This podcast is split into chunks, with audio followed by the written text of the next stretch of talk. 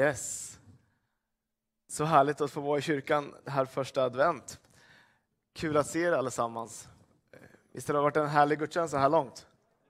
Lite, lite annorlunda, men vi har gjort lite vad vi kunnat för att rama in det här lite juligt och adventigt. Och samtidigt som vi nu ska fira första advent så får jag då förmånen här att eh, avrunda den här tre veckors serien vi har haft här om att leva av tro. Ehm, och ehm, vi, men innan vi kommer dit, så bara några ord tänkte jag om, om, advent, för det kan vi på något vis knyta till, till där vi är. Advent är ju väntans tid. Hur många här har bra tålamod? Ja, det var... De flesta var ärliga, vad bra. Ehm, så, eh, men advent betyder faktiskt eh, före ankomst. Eh, och eh, det handlar om att Jesus skulle komma. Han var den utlovade Messias. Ända från världens början så eh, hade Gud en plan att Jesus skulle komma för att ställa allt till rätta. Och eh, Vi ska ta och bara börja läsa ett bibelord från Galaterbrevet eh, 4. Eh, och eh, Dagens titel heter Den troendes auktoritet och vi kommer till hur det har med det här att göra. Men vi började i början, tycker det är logiskt på något sätt. Eh, så, så knyter vi ihop det med lite advent också. Galaterbrevet 4 står det så här. Vers 4 och 5. Men när tiden var inne sände Gud sin son född av kvinna och ställd under lagen för att friköpa dem som stod under lagen så att vi skulle få söners rätt. Är inte det här fantastiskt? Och jag tycker det här på något sätt är, är ju eh, på ett sätt evangeliet i ett nötskal. Jesus kom, Gud sände sin son för att friköpa oss från mörker, från synd, från slaveri, från bundenhet och att vi skulle få söners rätt. Ehm, men vi tar, vi utgår från den här versen lite grann då, tänkte jag. Och så börjar vi med den första här. Tiden var inne. Ehm, det var så att, nu backar vi bandet ända, ända till början. Ehm, ni vet, Gud skapade Adam och Eva till sin avbild. Människan var, var unik i skapelsen. För människan är skapad till Guds avbild. Det var bara människan som fick uppdraget av Gud att råda över skapelsen. Så människan var, liksom, hade en speciell plats. Men, för, och Gud älskade människan, Gud levde i gemenskap med människan och allt var frid och fröjd. Allt var fullkomligt, allt var jättebra. Men så berättar Bibeln om hur en orm, lita inte på en orm alltså, om man snackar med dig, men det visste inte Eva. Ormen kommer och förför, förleder människan så att människan fattar ett felbeslut som får ödesdigra konsekvenser för hela mänsklighetens historia framåt. Gemenskapen med Gud bryts och det uppstår en spricka i den fullkomliga skapelsen. Och helt plötsligt så har vi en trasig värld. Och det är där som mörker, död och sjukdom och allt elände kommer in, som inte fanns där från början. Men redan där, direkt, så ger Gud det första löftet om att han ska ställa saker och ting till rätta. I första Moseboken 3 och 15 så står det, så säger, så säger eh, Gud att det ska komma kvinnans avkomma, kvinnans säd ska krossa ormens huvud. För nu, när, i och med att människan som var satt att råda, de har fått, fått, fått eh, uppdraget av Gud, föröka er, uppfyll jorden och råd över den. Så när människan vänder Gud ryggen och går på ormens bedrägeri så har hon inte hon rätten att råda längre. Och det är därför som, om du, om du undrar varför ondska och mörker finns, som är så uppenbart. Jag menar, i vårt land, i vår värld. Ondskan visar sitt fula tryne överallt. Det, det behövs inte längre så jättemycket tro för att tro att ondska finns. Eller är det bara jag? Är ni med mig? Men det fina i, inte kråksången, men det fina i det här är att det inte bara finns ondska, utan Guds löfte, det kom och det uppfylldes i att Jesus kom en första gång. Men advent talar också om en väntans tid, om att vi tror att han ska komma tillbaka igen och verkligen ställa allt till rätta. Profeterna genom hela hebreiska bibeln som vi delar med, med, med, judarna, som kallas för vårt gamla testamente, talar om att, om att han skulle komma som konungen i härlighet. Han skulle komma som Herrens lidande tjänare och ta vår synd, ta vår, synd, vår sjukdom, vår skuld, vår skam. För, det, för, det, för när, när, Gud säger att han ska krossa ormens huvud så står det att men han ska stinga dig i hälen. Så det talar om att när Messias skulle komma så skulle han också få lida och det fick Jesus göra. Men Guds logik är bakvänd.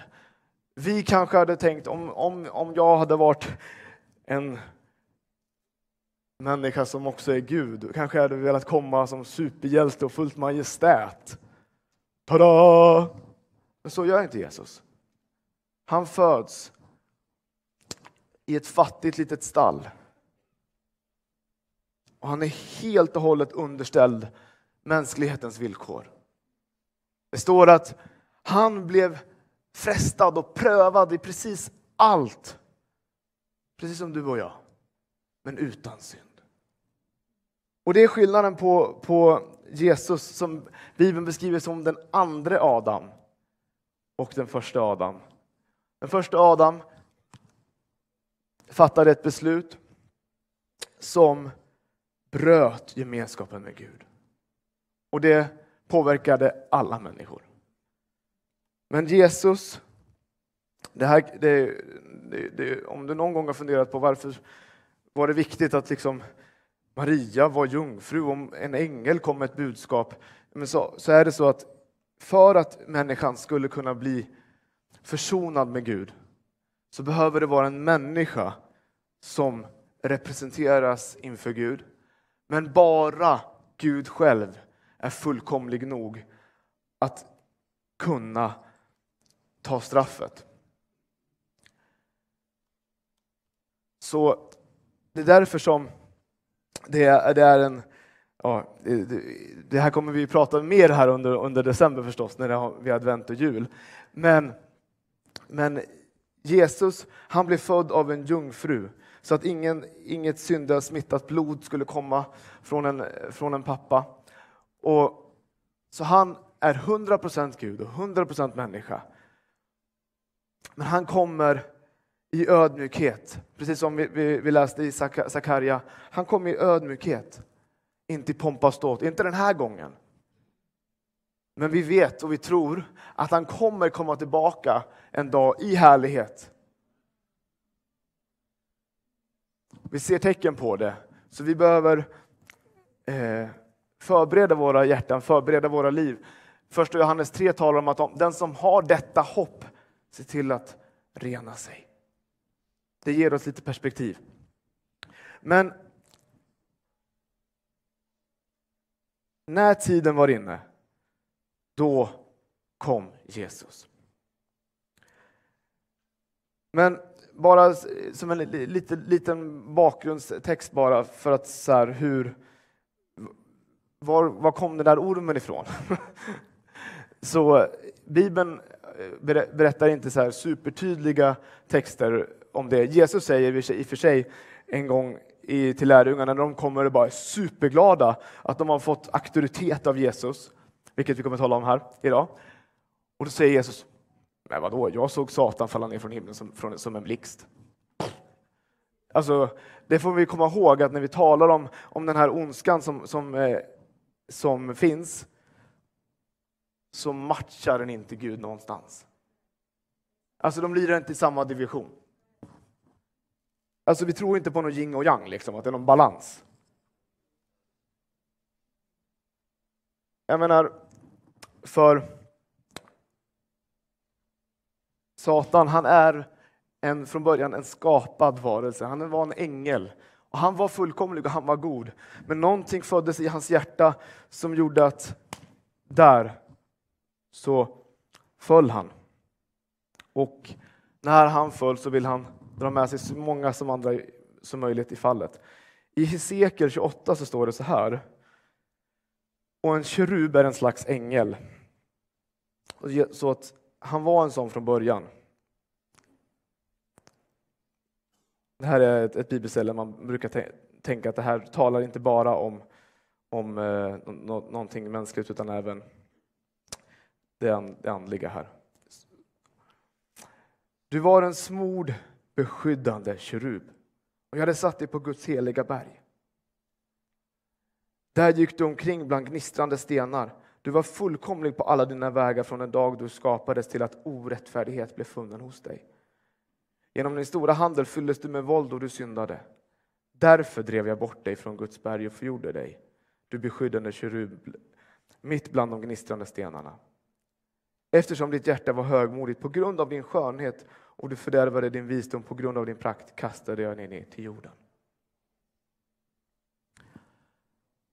Jag tror det kan ha varit så att den, det står att han var full av vishet, full av skönhet. En beskyddande kerub. Kanske till och med var så att den här ängeln som var, var till och med satt att beskydda Edens lustgård. Men, då så, men han var smart och han såg det är något annorlunda med människan jämfört med oss änglar. Och så väcks ett begär att få tag på det där och så lurar han till sig människans auktoritet. Och så efter, hädanefter så, så talar Bibeln om, om han som är den, denna jordens herre. Den som råder här.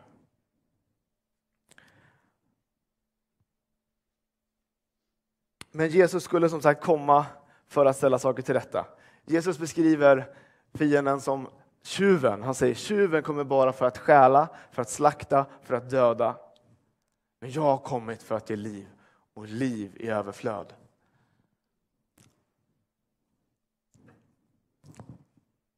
Jag börjar i den här ändan bara för att vi kan liksom, eh, vi behöver vara ärliga med att det finns en orsak till att vi ser allt mörker och allt. Det finns omständigheter i våra, våra liv som inte är fullkomliga här och nu. Därför att någon har ställt till det. Men det kommer hopp, mina vänner. Det kommer ett hopp. Vi har talat om att Jesus var född av kvinna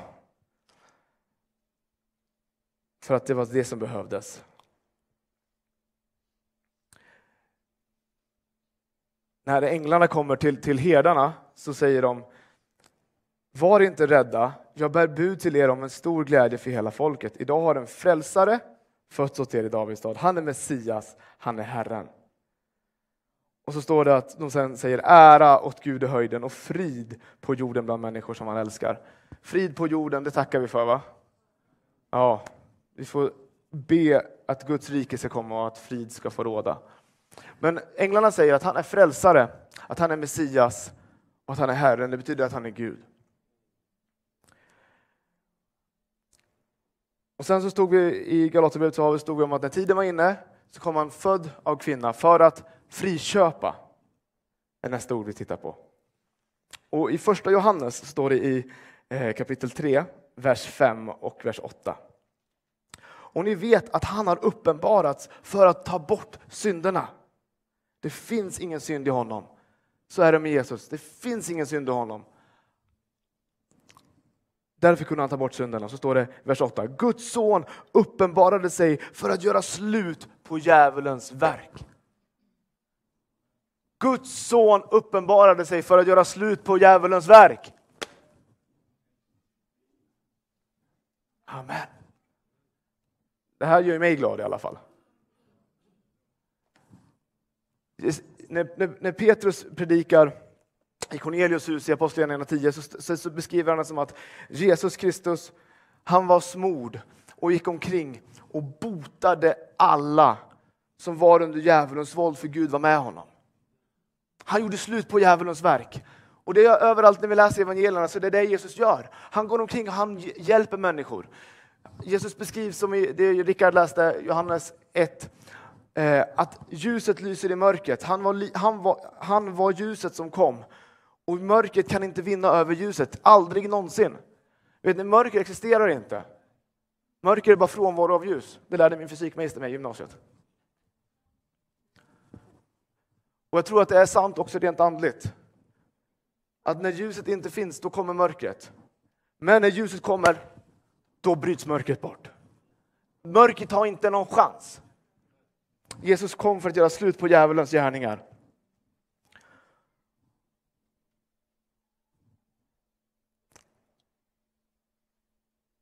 Han skulle friköpa dig och mig så att vi skulle få söners rätt. I Johannes eh, samma kapitel, men vers 12 så står det att åt var och en som tog emot honom gav han rätten att bli Guds barn åt var och en som tror på hans namn. Och det här, är det, nu börjar vi landa här i vad, vad vi talar om, men den troendes auktoritet.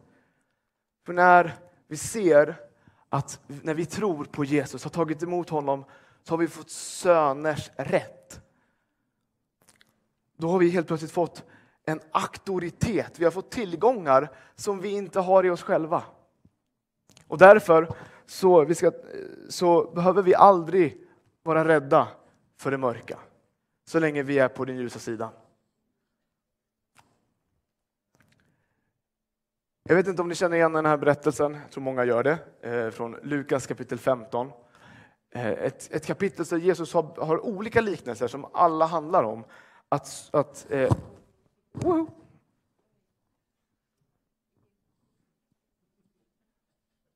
Det var ju jättebra. Tack så mycket. Ursäkta. Jag ska dra, få ordning på min sladd här. Jesus berättade olika liknelser om att eh, eh, söka upp det som var förlorat. Ja, men det är skönt att jag ser lite, lite leenden här i lokalen. Eh, söka upp det som var förlorat.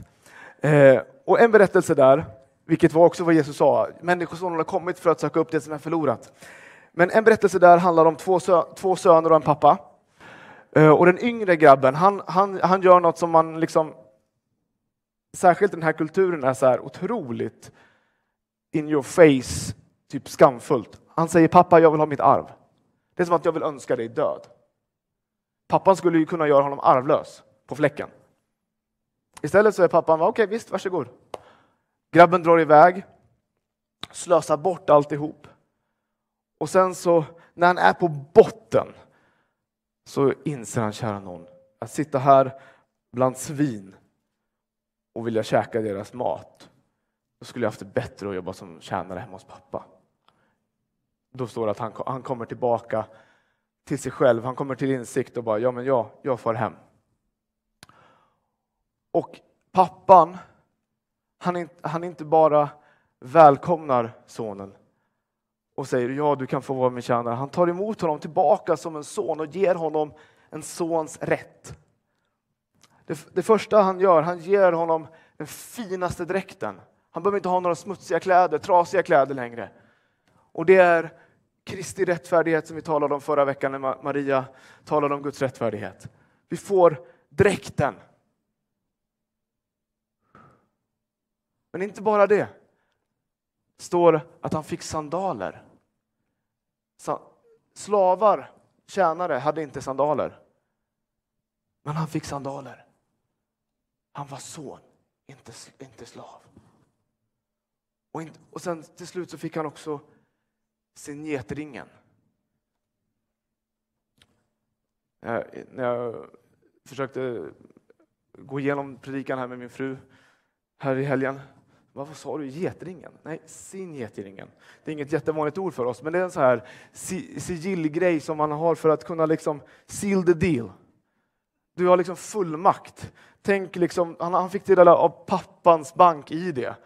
Och nu kan han liksom köpa grejer och pappans tillgångar. Han inte bara liksom blir välkomnad, han blir fullständigt upprättad. Han fick sonens rätt. Och det är det som vi också får. Fullständigt av nåd. Vi har inte förtjänat ett dugg. Eller hur? Men Jesus har gjort allt. Han har gjort precis allt för att vi ska kunna få komma tillbaka till gemenskap med Fadern. Det är det viktigaste och vackraste.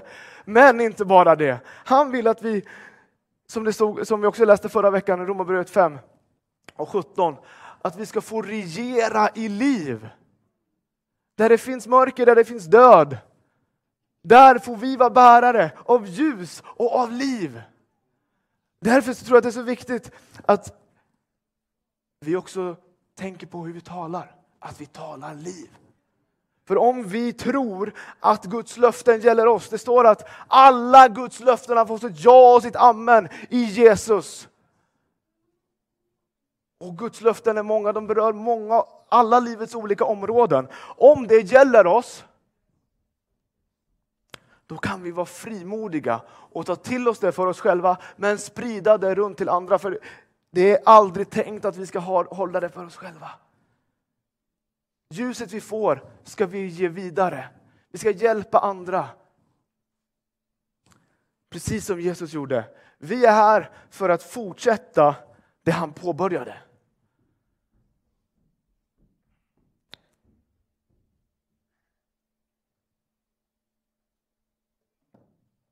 I Kolosserbrevet 1 och 13 står det, han har frälst oss från mörkrets välde och fört oss in i sin älskade sons rike. Vi är frälsta från mörkret och vi får vara i, i, i sonens ljusa rike. Och Det finns ett bibelord som vi strax ska läsa som är så fantastiskt. Som bara visar på, inte bara vad det betyder för oss, utan också verkligen på Jesus seger. På vilken nivå det var.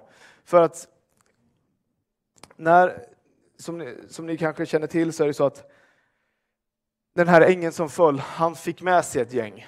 Så de är ett, de är, han är inte ensam. Det finns massa fallna änglar som eh, kallas för onda andar eller demoner beroende på vilken, vilken, vilket begrepp du vill använda. Och Bibeln talar om att de har olika hierarkier. Det finns olika härskare och, och, och furstar och andemakter.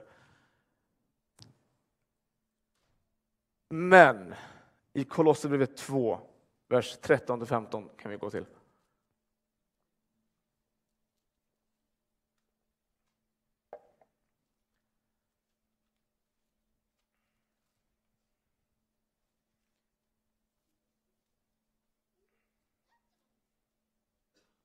Och här beskrivs det initialt hur det var för oss innan Jesus.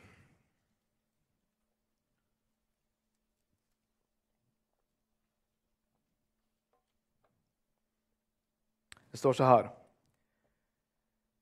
Ni var döda genom era överträdelser och er oomskurna natur. Men också er har han gjort levande med Kristus. Han har förlåtit oss alla överträdelser och utplånat skuldebrevet som vittnade mot oss med sina krav. Det tog han bort genom att spika fast det på korset. Han avväpnade härskarna och makterna och gjorde dem till allmänt åtlöje när han triumferade över dem på korset. Halleluja! Ska vi ge Jesus en applåd? Tack Jesus! Tack Jesus! Jesus inte bara med nöd och näppe vann matchen, han triumferade. Triumferade. Och det, här talas det liksom om det här typiskt som ett segertåg. Som när en, när en romersk kejsare intar en stad, så, så liksom har han, drar han ett segertåg och så får kungen i stan får liksom vara till allmänt åtlöje. På samma sätt så fick Jesus triumfera. Och i Efesierbrevet, som vi har varit inne i ganska mycket här under hösten, talar om att i slutet av första kapitlet, att Jesus är satt högt över alla härskare, makter, och krafter och herradömen och över alla namn som kan nämnas, inte bara i denna tidsålder utan också i den kommande. Allt är lagt under hans fötter och honom som är huvudet åt allting gav han åt församlingen. Och I Efesierbrevet 2.6 står det att vi är satta med honom i den himmelska världen. Om vi nu snackar hierarkier och auktoritet, om vi är satta med honom som är satt högt över allt det där, då har vi ingenting att vara rädda för. Sen behöver vi vara kloka, för, för, för fienden är slug, han har, han har listiga angrepp, talar Bibeln om. 100 procent. Men vi behöver aldrig vara rädda. Vi, vi utgår från en position av att vi är i Kristus och vi har söners rätt. Och att det står söners rätt är för att på, i den här kontexten så hade sönerna bättre rättigheter än vad döttrarna hade. Men det står ingenting om att de här sö sönernas rätt bara gäller söner. Sön, so, sonens rätt gäller både söner och döttrar i Guds rike.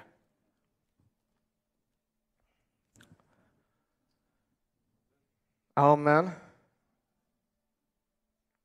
Och jag tror att, att vi också behöver komma ihåg, vi talar om den troendes auktoritet. Men jag skulle också vilja säga någonting om det troendes auktoritet. När Jesus säger till Petrus om att han ska få himmelrikets nycklar så talar han precis om att bygga sin kyrka. Och Jesus säger att det två eller tre samlas i mitt namn, där är jag mitt ibland dem. Och han säger om det två eller tre kommer överens om att be om något. Jag tror det finns en sån styrka i enheten i tron. Så jag vill inte bara tala om det, den troendes auktoritet, utan det troendes auktoritet. Och jag tror att fienden är fullt medveten om att det finns en enorm styrka när vi står enade, när, när vi går tillsammans, när vi har en enad vision, när vi går mot samma mål och när inga kilar finns emellan. Men det är också just därför som han gör allt han kan för att splittra. Jesus kommer med enhet, han ber om att, han ber Fadern, jag ber om att de ska vara ett.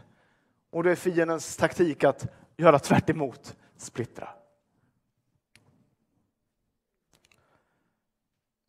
Men i, i andra Korinthierbrevet 2, vers 10 och 11, om vi läser vers, vers 11, jag läser just nu från Levande Bibeln, står det så här. Ännu ett skäl att förlåta är att ni därigenom undviker att bli överlistade av Satan. För vi vet vad han är ute efter. Hans avsikter känner vi till, står det i Folkbibeln. Hans avsikter är att splittra. Att skapa, slå, slå, slå bittra rötter och förstöra. Men för att vi ska kunna ha vår auktoritet intakt och kunna vara frimodiga så kan vi inte gå omkring och hålla saker mot varandra. Vi kan inte heller gå omkring och ha ouppgjord synd. Vi är, när, vi, när vi tar emot Jesus så blir vi frälsta, vi blir födda på nytt.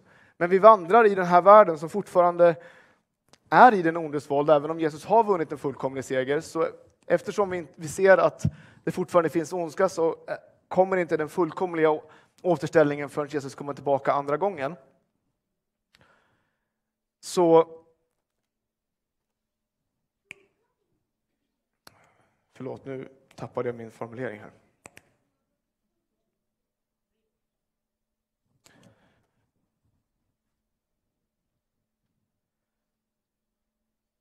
Ja, poängen var i alla fall att, att vi, vi, vi behöver ändå vara vaksamma.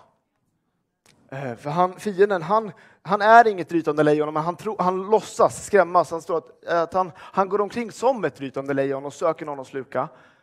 Men vi behöver vara på vår vakt och vi kan stå honom emot. Men vi, vi behöver bara se till att inte ge honom något tillfälle, inte ge honom något utrymme, står det om Efesierbrevet 4 och 29. Så därför, jo, nu hittar jag tillbaka.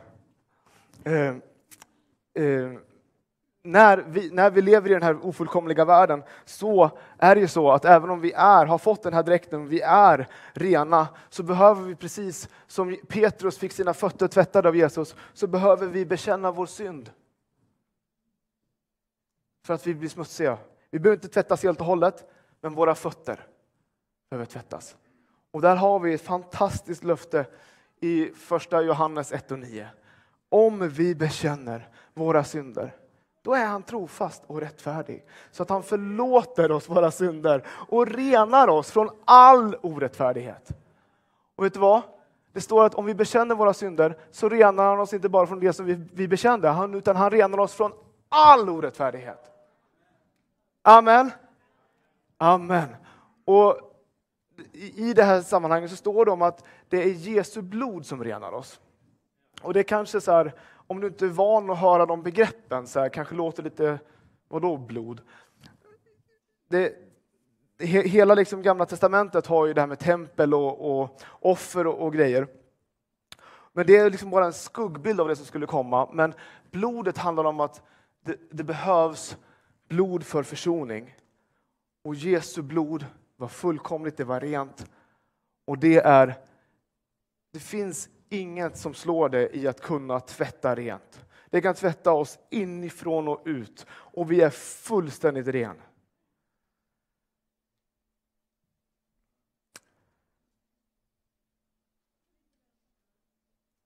Men blodet är en sak som vi har fått som en del av den auktoritet vi har.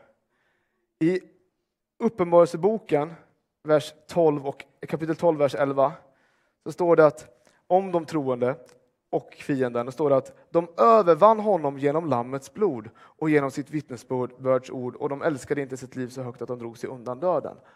Men de vann mot fienden tack vare Lammets blod. Bara andas du någonting om korset där han blev förnedrad. Alltså då är det, jag vet inte om det är någon som kommer ihåg den här gamla sången. Ja, den har ringt till mig under veckan. Jag vet inte ens vad, hur refrängen är, men det går en strof som är så här. Fienden har ingen chans, han måste fly någon annanstans. Någon som känner igen den? Nej, kanske bara jag. Så, barnsång från 90-talet. Jag bjuder på den. Eh, men fienden har ingen chans, han måste fly så fort du bara säger korset eller blodet. Amen. Amen. En annan sak är faktiskt dopet. Vi talar inte alla gånger om det på det sättet, men dopet, där får vi till döden begrava vårt gamla liv och uppstå till det nya liv som Jesus har gett oss genom sin uppståndelse.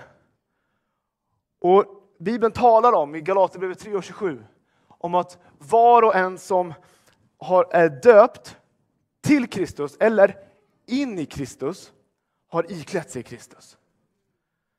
Så att när, om vi lever medvetna om vad, vad dopet har gjort med oss, att vi tillhör Jesus, att vi är i honom, då är det också bara ett puff. Back off, säger han. I belong to Jesus. Dopet är faktiskt en, en, en gåva som vi kan ha som en del av vår auktoritet. Och så har vi fått namnet Jesus. Namnet Jesus. Jesus undervisar om att vi ska be i hans namn. Men han, han säger samtidigt där till, till, eh, till när, han, när han sänder ut lärjungarna att han ger dem makt att i hans namn driva ut onda andar. står om det till exempel i Markus 16, att i mitt namn ska de driva ut onda andar, ni ska tala nya tungor, lägga händerna på de sjuka, de ska bli friska. I Jesu namn. I Jesu namn, för namnet representerar personen. Men det finns ingen magi i detta. Det är liksom ingen så här mirakelteknik i Jesu namn och så bam. Utan tro hänger ihop med trohet. På grekiskans pistis äh, betyder det både tro och trohet. Och om vi bara tänker att det är tro här, så tappar vi halva grejen. Det måste vara tro här och att jag är överlåten Jesus. Att jag lever nära honom. För det handlar inte om att jag bara har hans namn, utan det handlar om att Kristus i mig är härlighetens hopp. Och det är det som ger styrka. För Bibeln är transparent och öppen och berättar till och med om några som försökte tampas med några, några demoner och utan att riktigt själva vara troende. De säger i Jesu namn som den där Paulus förkunnar. Och det, det vet jag inte, så det finns ingen, ingen trollformel, förstår ni vad jag menar? Men när vi håller oss nära Jesus så har vi fått hans namn som en, som en gåva, som han har delegerat till oss. Och det är både en rättighet men också ett ansvar, för vi ska använda det för att utbreda Guds rike. Under hösten här har vi haft en fantastisk alfakurs. Eh, och, för några, och härom helgen så hade vi den här heligandedagen. Och eh, ni vet, där Herrens ande är, där är frihet. Och, och eh, jag bara känner i mig att det här kan bli en frihetens dag. En frihetens dag. Och så för en av deltagarna så vart det lite kamp. Och personen i fråga var på väg att kasta in handduken och säga, men efter det första avsnittet, nej det här går inte. Jag lämnar. Fast kom igen, vi pratar lite, vi ber lite. Och när vi bad i Jesu namn, då bara vände det. Då bara vände det. Och, och eh, deltagaren stannade kvar hela dagen och fick möta Gud på kvällen. Det finns sån makt i namnet Jesus. Det, det kan vända precis vad som helst. Och det här med att vi är iklädda Jesus och vi har namnet Jesus. Det, en, en, en, klassisk bild man kan tänka är ju som en, en polis. Skickar ut en polis i pyjamas i trafiken, så är det inte så många som hajar till. Det vore en syn, eller hur? Ja. Men en polis i polisuniform, då har man respekt för hans auktoritet. Och likadant med dig och mig, vi är iklädda Kristus och vi har hans namn. Vi säger inte i lagens namn, vi säger det i Jesu namn. Och då finns en makt och myndighet som vi inte har i oss själva, men som vi har fått som en gåva, därför att vi tror på honom. Halleluja. Vi har talat om dopet, blodet, namnet. Men förstås, vi har fått den helige ande. Vi har fått den helige ande. Jag skulle säga att eh, Efesierbrevet 1 och 13-14 talar om att anden är ett sigill till oss. Det är också ett tecken på att vi, vi tillhör honom. Och Det är också när Jesus inleder eh, sin tjänst så läser han från Lukas, han läser inte Lukas från Lukas 4, han, han citerar från Jesaja 63 och det finns i Lukas 4. Och då står det att han, han säger Herrens ande är över mig. Han har smort mig att förkunna frihet för de, glädje för de fattiga, frihet för de fångna, syn för de blinda och att ge dem förtryckta frihet och förkunna ett nådens år från Herren. Men det är tack vare att den helige Ande var över Jesus som han kunde gå och göra det han gjorde. Och Jesus har lovat att vi som följer honom ska få ta emot samma helige Ande så att vi kan inte bara göra samma saker som Jesus gjorde utan vi får till och med göra större saker. Amen. Och det sista jag vill tala om här innan vi avrundar. Det är Guds ord. Ordet.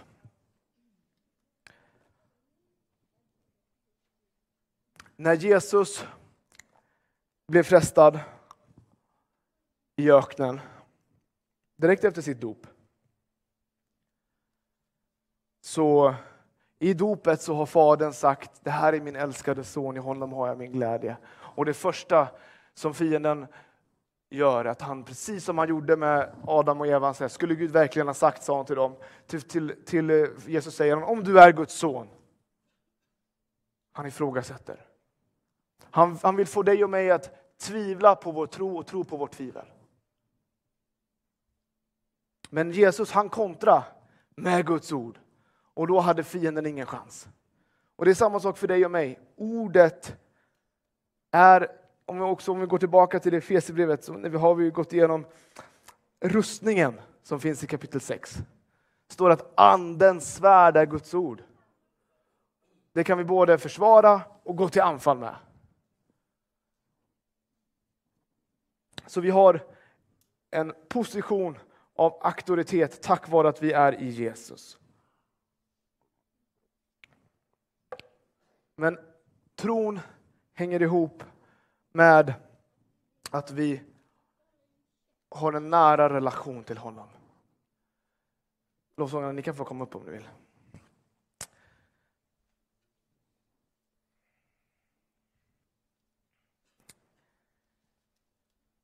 För det ska vi veta, att vi människor är skapade till Guds avbild. Och den bilden har fått en och annan spricka tack vare fallet. Så Gud är inte skapad i vår avbild. Människor kan svika, människor kan ljuga. Gud kan inte ljuga. Gud kan aldrig svika vad han har lovat. Därför så går hans löften att alltid att lita på.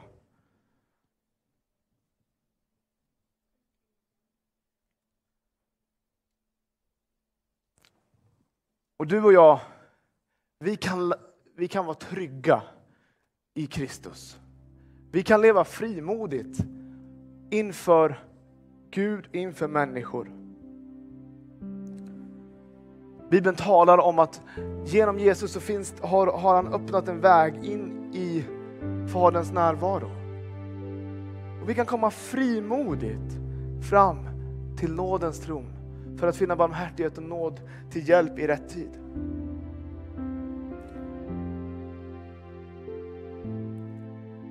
Så vår frimodighet grundar sig aldrig i vilka vi är eller vad vi har gjort, utan i vem Jesus är och vad han har gjort och vilka vi är i honom och genom honom.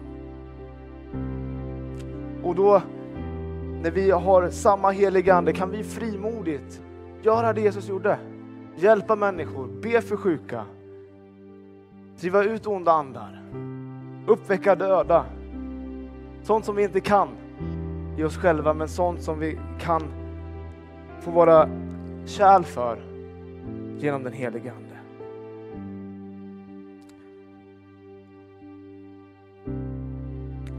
Vi kan ta och ställa oss upp tillsammans.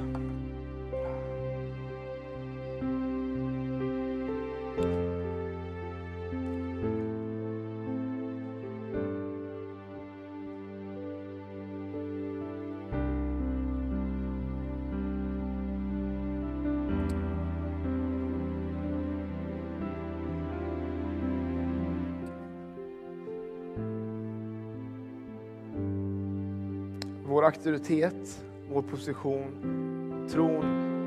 Vi tappar vår frimodighet när vi, när vi låter vissa saker i våra liv få förbli i det dunkla, i mörkret. Men när vi låter saker få komma i ljuset, då finns det rening, då finns förlåtelse, det finns frihet.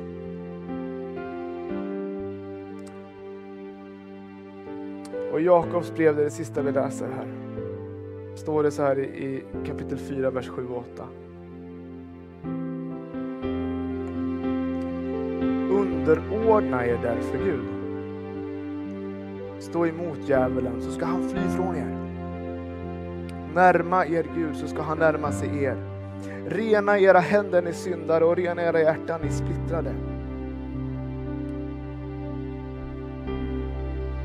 Det står att vi ska stå emot djävulen, men det börjar med att vi underordnar oss Gud. Det står att vi ska närma oss honom, Gud, så ska han närma sig oss. Och där tror jag att det är precis som det vi läste i, det vi nämnde berättelsen i Lukas 15. Om hur sonen kommer tillbaka till fadern och fadern, han kommer springande. Fadern kommer springande. Vet du vad? Jag, jag vet inte vart du, vart du befinner dig i, i din relation till Gud idag. Men ett vet jag, att oavsett om du är långt borta eller om du är nära, så vill du bara närma dig honom så vill han komma nära dig. Han vill komma nära dig. Åh, han är så nära just nu och han vill komma dig så nära. Och finns det saker som du vet om, ja men det här är inte rent, det här är inte rätt, det här är inte som enligt med Guds heliga vilja.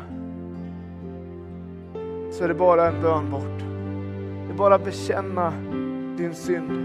Be om förlåtelse och ta emot hans rening. Och vare sig du har varit troende förut eller aldrig varit det, om du är så att du är här idag och någonting slår an i ditt hjärta. Det här med att vara ett Guds barn. är Gud en god far som älskar mig? Står han med en öppen famn också för mig? Ja, ja, ja, det gör han. Det gör han. Så om du bara vill ta emot Jesus så ger han dig rätten att få bli ett Guds barn. Jag tänkte vi, bara, vi kan inte, vi ska göra en sak till, men vi kan inte gå, göra någonting annat än att vi bara börjar här. Jag vill bara ge dig möjlighet att vi kan be en bön tillsammans, allesammans. Och är det, men är det så att du vet att men det här verkligen gäller mig, be från ditt hjärta så vill vi sedan hjälpa dig vidare. Men vi bara börjar med att bara, det här är en början. Vi börjar med att be den här bönen tillsammans. Fader i himmelen. Jag kommer till dig just nu. Tack att du tar emot mig genom Jesus. Jesus, förlåt mig mina synder. Gör mig ren. Tvätta mig i ditt blod. Jesus, du är min Herre. Jag vill följa dig hela mitt liv. Och tack att din helige Ande hjälper mig att göra det.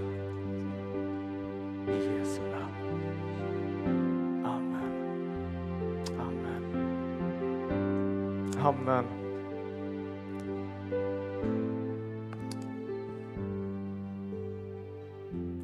Sen så vill jag bara säga så här att vi har bönrummet öppet här efteråt. Men är det så att när vi talar om det här att det finns olika områden i livet som kan vara där det inte är Guds ljus eller Guds liv som råder. Det finns någonting som kväver dig. Något som kanske du känner dig bunden av. Du vet att om skulle jag slippa det här skulle mitt liv vara bättre. Så vill vi be med dig. För frihet är den rätt som vi har som Guds barn. Men eh, vi kan bara be en, en, en bön över detta också innan vi avslutar helt. Jesus, jag tackar dig att du kom för att ge frihet. Tack för att du kom för att friköpa oss från allt mörker, allt som vill plåga och binda oss. Och Jesus, jag bara tackar dig att du genom din Andes närvaro på den här platsen kommer med frihet till den som behöver frihet.